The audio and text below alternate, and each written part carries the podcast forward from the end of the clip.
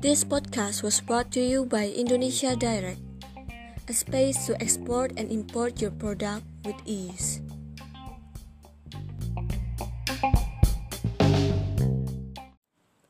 Halo Sobat Direct semuanya, selamat datang dalam seri pelatihan ekspor Indonesia Direct episode keempat dengan topik Transformasi Produk Siap Ekspor. Stay tuned and enjoy.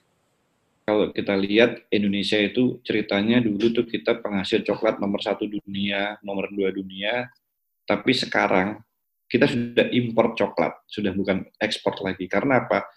Coklat hasil industri dan hasil produksi dalam negeri itu sudah habis untuk pasar domestik.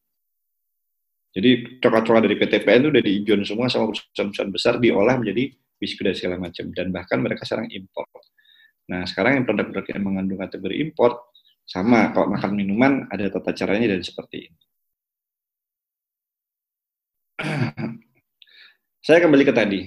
Jika Bapak Ibu sudah punya NIP, terhambat ekspornya tidak bisa ekspor, nggak usah khawatir. Ada cara yang gampang. Jadi, ini ada cara-caranya. Misalnya Bapak Ibu sudah punya NIB, tapi mau ekspor barang, tapi tidak punya hak akses kepabeanan. Silakan melampirkan semua yang sudah ada, kemudian kalau ditolak, ada NPP nomor penolakan PEB-nya, ada dokumen invoice packing list, ada PO kontrak dengan buyer, ada bukti penerimaan transfer memang sudah terima DP segala macam, kirimkan surat permohonan pengajuan akses kepabeanan kepada Direktorat Jenderal Bea Cukai UP Kasubdit Registrasi Kepabeanan. Tiga kali 24 jam, Bapak Ibu sudah punya hak akses kepabeanan yang langsung dibuka oleh portal di Bea Cukai. Nah ini Nah, kenapa saya bisa bilang saya juga pernah ngalami soalnya. Bahkan ini bukan yang tidak punya akses kepabeanan. Kalau Bapak Ibu sudah jadi eksportir, tetapi selama enam bulan berturut-turut tidak melakukan ekspor, maka hak akses tersebut terblokir. Untuk membukanya sama. Ya. Ini salah satu contoh camilan lokal. Mungkin Bapak Ibu ada yang tahu, ini adalah keripik jengkol.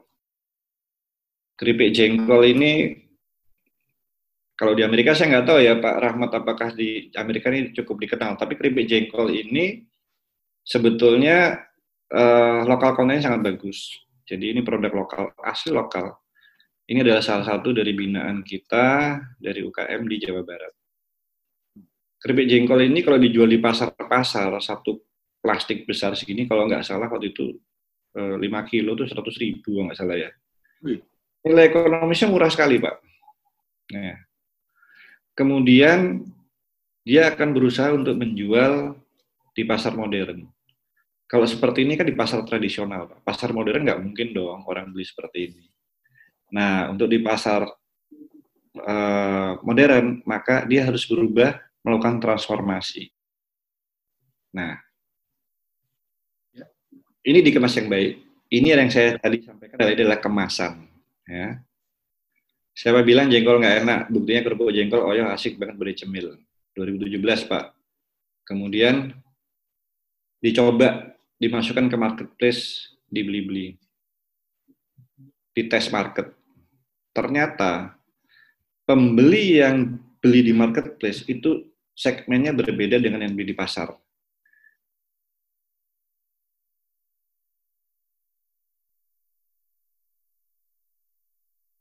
Para generasi milenial yang mempunyai daya beli tinggi dan mereka adalah usianya antara 18 sampai 40 tahun, bahkan sampai 45, tapi lebih lebih efektif sampai 40 tahun.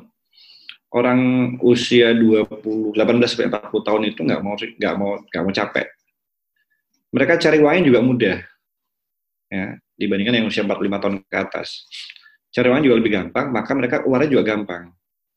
Ini dengan diganti kemasan seperti ini, yang penting informasi produknya jelas, informasi tentang kandungannya jelas, mereka sudah tertarik. Ini bisa diterima. Jadi Bapak Ibu kalau ingin bagus, dari kemasan bisa aja belanja di pasar, dikemas, itu udah nilai tambah, edit value-nya sudah ada. Kemudian, ini belum bisa diterima di generasi milenial. Untuk bisa diterima, maka dia harus transformasi lagi Mereka bisa menjual di marketplace. Bisa dilihat dengan kemasan yang seperti ini, kemasannya milenial banget. 80 gram 11.150 Pak. 80 gram. Luar biasa. Kalau dilihat penampilannya 80 gram itu tidak banyak, tetapi karena kemasannya kelihatan besar, orang melihat tampilannya oke, okay, menjadi menarik. Oke, okay. mereka nggak lihat isinya segala macam. Ini orang Indonesia, Pak. Bedanya orang Indonesia seperti ini. Beda dengan orang asing. Kalau orang di luar negeri, dia udah lihat nutrition fact-nya seperti apa, kandungan seperti apa, manfaatnya kayak apa, itu udah dilihat semua. Nah, saya lanjut lagi. Setelah 2000 2017, 2018, 2020, keripik jengkol yang sama sudah bisa diterima di luar negeri. Kalau ini di Singapura dengan 3,83 dolar Singapura dolar. Belum termasuk ongkos kirim ya. Karena semua kalau orang beli di online itu ongkos kirim terpisah. 3,83 kalau dikalikan sekarang kurs Singapura dolar kalau nggak salah 11 ribu ya Pak Habib ya. Mungkin sekitar situ. Berarti ini kan sekitar 50 ribu. Atau sekitar 40 ribu maka nilai dari produk tersebut sudah empat kali lipat lebih mahal. Jadi free shipping 10% cashback di promonya. Kalau beli lebih banyak akan lebih murah lagi. Padahal nantinya setelah promo, karena ini shippingnya masih ditanggung sama si marketplace. Karena marketplace itu sudah beli dalam jumlah besar, di keep di sana. Karena di Singapura kita bisa lihat pengiriman ke Singapura satu kubik meter mungkin hanya 10 dolar biayanya Pak Bib ya. 5 sampai 10 dolar kadang-kadang. Hmm. Karena satu kubik meter satu kali satu kali satu itu kan bisa diisi keripiknya banyak banget. Nah, mereka sudah beli dalam bentuk besar, kemudian sama si uh, marketplace ini barang sudah di sana, mereka promosikan, mereka jual. Luar biasa nilai tambahnya. Kita lihat lagi di Malaysia. Di Malaysia dijual 9,99 ringgit atau 10 ringgit lah gambarannya. 10 ringgit ini kalau misalnya dirupiahkan, kalau nggak salah ya sekitar 40 ribuan lah. Ya, mungkin 36 ribu. Maka nilai tambahnya adalah tiga kali. Jadi kalau kita jual di luar negeri sama dijual di dalam negeri akan berbeda. Bagi mereka 9,99 tidak sampai 10 ringgit itu ya mungkin kalau kita mungkin 10 ribu ya. Nah jadi enteng lah gitu. Mungkin apalagi kalau di Amerika nih Pak Rawan mungkin bisa kasih gambarannya di sana itu uh, saya dulu pernah melihat uh, bagaimana sih jualannya efektif. Saya dulu pernah Pak Habib pameran jualan mainan toys itu saya jual mainan yang di sekatenan loh Pak, yang apa lele-lelean yang ditarik-tarik itu ya. jalan sendiri. Ya, ya. Nah, sama mainan itu loh Pak. Di sekaten itu dulu kan banyak yang namanya dari bekasnya sandal karet sama kaleng susu Indomelek kok didorong bunyi tok tok tok tok. Oh iya. iya. Bapak jual ke mana? Ya? Itu saya ingat Pak, itu dulu saya ingat Pak, tujuh ratus lima puluh rupiah, seribu rupiah paling mahal saya beli dulu. Kalau jumlahnya banyak. Di Eropa Pak, saya jual dua euro kayak kacang goreng. Padahal itu nilai value-nya dua euro itu, nilainya kalau dikalikan lima belas ribu, saya udah tiga puluh ribu. Dengan modal yang seribu rupiah. Ke Belanda Pak? Ke Tong-Tong, bukan? Ya, betul, Tong-Tong Pak. Itu segitu Pak. Kenapa saya jual 2 euro? Saya melihatnya anak kecil itu di sana beli es krim kun itu 2 euro, Pak. Es krim kun itu 10 menit habis. 2 euro itu udah hilang. Iya. Pada saat saya jualan mainan itu di sana waktu pameran, berisik banget, Pak. Banyak yang komplain. Tetapi karena berisik itu banyak yang datang, banyak yang lihat. Mainan itu dipakai mainan, Pak. Meskipun sampai rumah itu merotoli, rusak semua segala macam, ya 2 euro kan starting gitu loh. Iya, iya. Tetapi karena banyak anak yang datang orang lihat, akhirnya saya dapat bayar pak di situ ceritanya seperti itu dapat bayar ditanya berapa dua euro. Kalau saya belinya banyak gimana ya diskon. Diskonnya berapa? 40 persen. Saya kasih 1,2. Ditawar-tawar ya udah satu euro ya, oke okay, FOB. Bayangin aja pak, 15 ribu dengan dari 1000 15 kali lipat. Nah, perbedaan selisih kurs mata uang ini adalah menjadikan nilai tambah buat buat pengusaha-pengusaha kita. Ini yang sebetulnya uh, kita harapkan kalau jualan di Indonesia itu saingannya banyak, tetangga sendiri saingannya. Jadi kalau dijual di luar, selama produknya itu punya competitiveness, punya daya saing, dan punya sesuatu yang buat mereka menarik, laku kok Pak produk Indonesia itu Pak. Cuman ya mungkin sekarang akan lebih di uh, make up, di make over supaya kelihatan lebih bagus. Ya. Betul. Baik, saya lanjutkan lagi. Ini salah satu contoh. Bagi teman-teman, mohon maaf ya, ini masih produksi makanan minuman ya, yang fashion, craft, dan lain-lain nanti saya bahas di sesi kedua setelah break. Yang paling kiri ini jus sirsak. Ya, kita jangan lihat isinya kemasannya aja deh. Ini kalau di Indomaret, Alfamart sih mungkin ada ya lima ribu rupiah, di pasti banyak nih kayak gini. Ya kan? Ongkos buatnya 600 berapa ini masalah 330 mili apa, apa 600 mili ya. Ini kan HPP-nya itu kalau nggak salah 1.500 eh, 2.500 dengan kemasan botol segala macam 1.000 jadi 3.500. Jadi para pengusaha ini akan mendapatkan profit 1.500 kalau dijual 5.000 belum dipotong uh, biaya komisi uh, di apa di toko modern. Kalau misalnya biaya komisinya 10 persen, maka dipotong 500, 4.500, untungnya 1.000 botol, 1.000 rupiah per botol. Kalau kita lihat yang paling kanan sama-sama sirsak, ya, isinya sama, biaya produksinya masih 2.500 juga, botolnya lebih mahal, botolnya misalnya 4.000, ya kan? Karena dia botolnya kaca.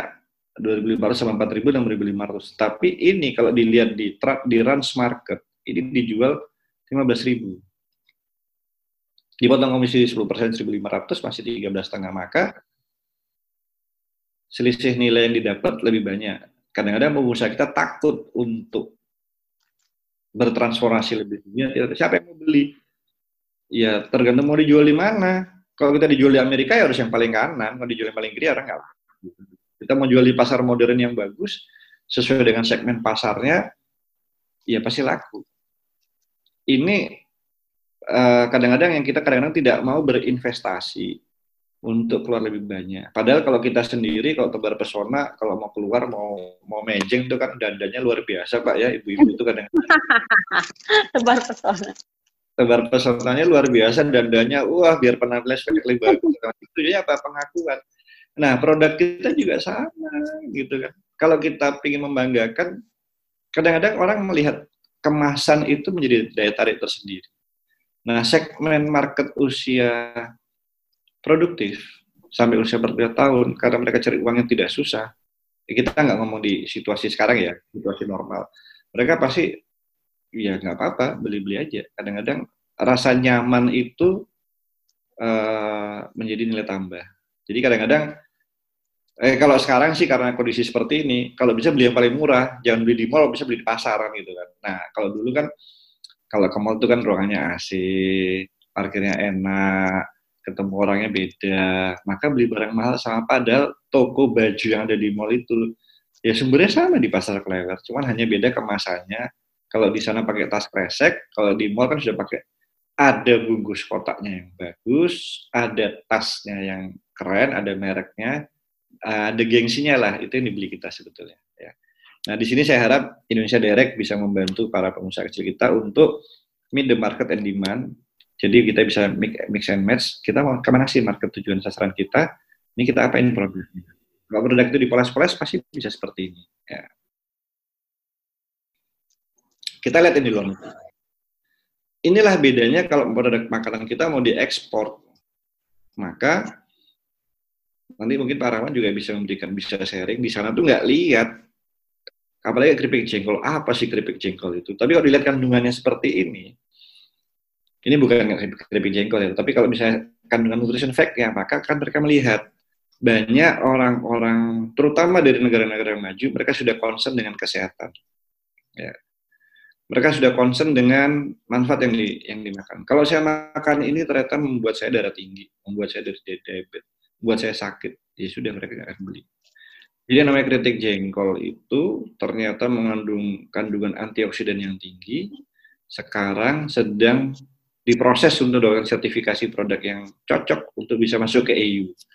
Ya kalau keripik jengkol masuk ke EU karena antioksidan yang tinggi ya luar biasa. Nah, ini gambaran-gambaran yang kita mau ke mana sih tahapan kita? Kalau Bapak Ibu yang produk makanan minuman sudah bisa sampai nutrition fact, maka bagus. Mungkin yang ditanya, di mana sih ngurus nutrition fact? Banyak. Kalau mau bagus di Sukovindo, ada biayanya. Kalau mau lebih murah di universitas-universitas itu ada. Karena ada sekarang banyak universitas di UNS mungkin ada yang punya uh, fakultas uh, kesehatan.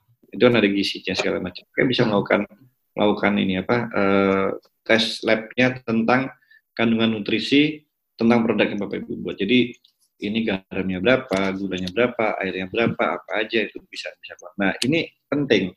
Kadang-kadang uh, kita kelewatan untuk hal-hal yang penting. Ah nggak penting orang ini orang juga mau beli kok. Nah kalau kita mau dijual lebih mahal lebih bagus, ada ininya, maka segmen pasar yang kita targetkan akan berbeda. Ini di Australia. Kalau kita akan ekspor, maka harus ada label nama penjelasan produk. Importirnya siapa? Nomor lot produksinya berapa? Keterangannya ada. Negara asal ada. Jangka waktu ada. Dan bersih dan daftar kandungan. Daftar kandungan yang tadi ya, nutrition fact. Karena begini, Bapak Ibu produksi di Indonesia. Kalau Bapak Ibu ekspor ke sana, misalnya yang makan orang Amerika atau orang Australia. Setelah makan tersebut dia mulai sakit perut. Yang dituntut bukan produsennya dong, tetapi importernya. Makanya harus ada nama importer di Australia, di negara tujuan tersebut. Nah, di luar negeri, tanggung jawab pihak ketiga itu sangat tinggi. Kalau kita kita makan sakit perut segala macam, ujung-ujungnya suruh ke puskesmas pakai BPJS kan gitu. Kalau di luar negeri tidak, mereka semua sudah adanya, semua sudah ada apa tahapan-tahapannya tentang third party liability itu jelas sekali. Bahkan pada saat saya ekspor ke Amerika, produk furniture saya dan home decoration, decoration saya, saya harus uh, harus membayar asuransi untuk party liability. Saya tanya, buat apa? Loh Pak, kalau misalnya furniture Bapak didudukin sama orang, kemudian kursinya patah, orangnya jatuh, akibat jatuh tersebut dia harus dirawat itu memerlukan perawatan rumah sakit. Makanya bayar harus asuransi. Ya saya bilang, kursi saya nggak akan rusak. Ya kan, tapi kan ukuran orang Indonesia, bukan ukuran orang gitu. Nah, ini yang sangat penting uh, bedanya pasar ekspor seperti itu. Dipikirkan itu bukan hanya satu langkah, dua langkah, tapi sampai lipat langkah ke depan. Saya lanjutkan lagi. Ini sedikit gambaran tentang FTA. Uh, eh, setiap presentasi saya wajib memberikan ini supaya Bapak Ibu tahu apa sih FTA itu. FTA adalah Free Trade Agreement Center. Kita di bawah Kementerian Perdagangan. Tujuannya kita membantu Bapak Ibu semua untuk mencari pasar, mencari uh, negara tujuan ekspor, produk yang diekspor, yang mempunyai kemudahan dibanding negara lain. Nggak usah susah-susah. Kita susah ekspor ke Eropa, cari yang negara yang mudah. Ya. Jadi sekarang sejak adanya perang dagang Amerika dengan Cina, maka masing-masing negara berlomba-lomba membuat perjanjian bilateral antara negara lain. Jadi mereka ingin bersaing sendiri-sendiri. Saya kasih gambar apakah FTA tersebut dibahas sejak tahun 2015 dan 2018 resmi menjadi FTA Center. FTA Center ini fungsinya apa? Uh, sebagai pusat informasi FTA, FTA itu adalah negara yang punya perjanjian bilateral dengan kita, pendampingan pemanfaatan pada masyarakat, pusat sosialisasi, dan advokasi. Jadi Bapak Ibu nggak usah khawatir, uh, semua dilakukan secara tidak berbayar gratis dan semua itu dibayar oleh negara. Mau tanya-tanya silahkan, mau tanya peluang ekspor silahkan, cara ekspor silahkan, mau tanya masuk ke negara mana silahkan. Karena kami bekerja sama dengan Indonesia Direct, maka sebaiknya melalui satu pintu semua Indonesia Direct, kita yang akan membantu semua Bapak Ibu yang menjadi anggota Indonesia Direct. Ya. Problem kita apa sih selama ini? Kita tuh nggak tahu, lack of knowledge. Mana sih yang bisa kita ekspor, produknya seperti apa sih? Kemudian informasi kualitas yang kurang baik tentang uh, pelaku uh, pelaku usaha, tentang produknya. Kemudian banyak kita yang nggak tahu cara menggunakan FTA. Saya kasih contoh yang terbaru, berlaku per tanggal 5 Juli kemarin, adalah IACPA. IACPA adalah Indonesia Australia Comprehensive Economic Partnership Agreement semua produk Indonesia sekarang bisa masuk ke Australia 0% tarif. Ya. Jadi tarifnya 0% pajak importnya di Australia. Maka ini adalah salah satu peluang bagaimana kita bisa membanjiri produk Indonesia ke Australia. Kalau ke Amerika kita masih punya GSP, mudah-mudahan tidak dicabut karena Presiden Amerika ini agak agak ini juga agak sensi juga. Uh, perundingan yang dilakukan tahun 2019, GSP kita diperpanjang karena Indonesia, Garuda dan Lion Group beli pesawatnya luar biasa banyak sampai 500 pesawat. Maka kita GSP-nya diperpanjang. Nah sekarang pesawatnya dikembaliin semua. Saya nggak tahu masih dikasih GSP apa enggak, karena kan kita nggak bisa bayar, nggak ada yang terbang. Soalnya bisa dikembaliin semua. Saya nggak ngerti. Mudah-mudahan masih diperpanjang. Nah, kayak ke Australia, seperti ke Australia, ada ya cepa, itu memang 0%, tapi ada syarat dan ketentuan berlaku. Bagaimana caranya supaya kita bisa 0%? Seperti apa? Nah, ini tugas kami. Di sini ada jasa edukasi, sosialisasi, konsultasi, dan advokasi ya kami siap membantu Bapak Ibu sekalian bagaimana bisa bersama. Jadi misalnya produk tersebut uh, mungkin di depan uh, ada pelatihannya, uh, produknya harus terstandarisasi. Bagaimana cara mengukur standarnya? Nah kami bekerjasama dengan BSN, Badan Standarisasi Nasional, untuk membantu Bapak Ibu sekalian memberikan sosialisasi standar apa sih untuk ekspor itu. Misalnya kemasannya harus bagaimana, kemudian tulisannya bagaimana, simpel tapi penting Kemudian misalnya saya produknya ini Pak produk A, saya produk B, saya produk C. Kita akan membantu mengarahkan ke negara mana yang peluangnya paling besar. Gitu. Jadi fasilitas pemerintah itu banyak, kalau nggak dimanfaatkan sayang. Nah, Bapak Ibu bisa lihat di website Kemendak uh, bisa dilihat di situ ada perwakilan luar negeri, silakan dilihat ada titik-titik yang merah dan biru. Kalau diklik bisa keluar. Yang biru adalah ITPC, Indonesia Trade Promotion Center. Yang kuning adalah adat atas perdagangan. Silakan dikontak, ada emailnya jelas, ada kontaknya segala macam. Bapak Ibu silakan tanya, silakan kirim email ke sana uh, tentang produk Bapak Ibu. Tapi jangan hanya email tanya, Pak saya punya produk ini laku nggak ya? Nggak akan di yang paling baik adalah Bapak Ibu menyiapkan company profile yang baik. Mungkin yang bisa direct bisa membantu pendampingan cara buat company profile, bisa buat kelas tersendiri Pak. Company profile yang baik, seperti apa perusahaan Bapak Ibu, produknya apa, kapasitasnya berapa, pengalamannya apa, manfaatnya apa, harganya berapa. Biasanya kalau datanya Bapak Ibu sudah komplit dan lengkap, mereka akan membantu memberikan list ini loh perusahaan-perusahaan di negara ini yang menjual produk atau kira-kira mirip dengan produk Bapak Ibu sekalian. Dia akan memberikan. Jadi kan melakukan introduction. Setelah semuanya sudah, kalau kita udah kirim nggak ada follow up segala macam, kontak lagi. Tolong dibantu, saya udah kirim email gini-gini. Apakah mereka udah terima apa enggak? Kadang-kadang orangnya nggak ngerti bahasa kita, maka tugasnya ITPC dan Anda untuk menjelaskan. Dan itu butuh waktu sih, tapi biasanya sih tidak ada yang tidak ada jawaban. Kalau misalnya dia tidak berminat, dia akan jawab, oh mohon maaf saya nggak berminat, oh mohon maaf saya sudah ada kontrak dengan negara ini, saya udah begini bisa. Tapi yang penting kita tahu respon dari uh, calon buyer itu seperti apa. Bahkan yang banyak yang terjadi setelah produknya menarik, ditanya, saya punya produk seperti ini, bisa nggak saya special order ya? Atau uh, white label atau customize? Nah, itu peluang. Kira-kira itu.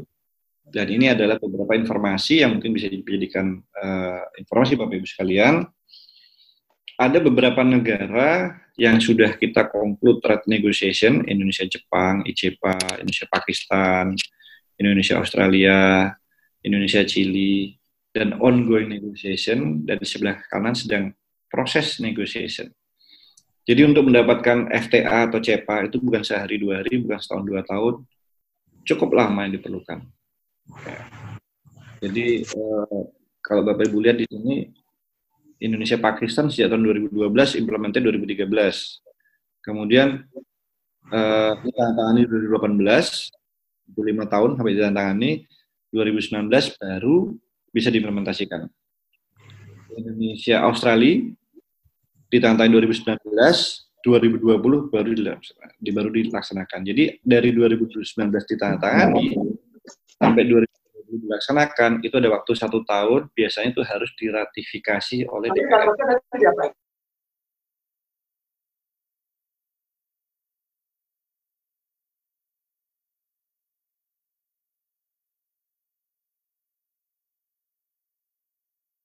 Uh, ini alamat kami di Surabaya, FTA Center di Surabaya. Uh, kebetulan kami di Surabaya, jadi di Indonesia FTA Center tuh ada enam sekarang. Sebelumnya lima. Medan, Jakarta, Bandung, Surabaya, dan Makassar. Per bulan Agustus ini dibuka FTA Center di Semarang, tetapi uh, belum di launching. Setelah 17 akan di launching. Ya, Semarang cukup dekat, cuman uh, sementara ini mereka belum aktif karena kami sudah bekerja dengan Indonesia Direct. Kami tetap akan bersinergi dengan Indonesia Direct.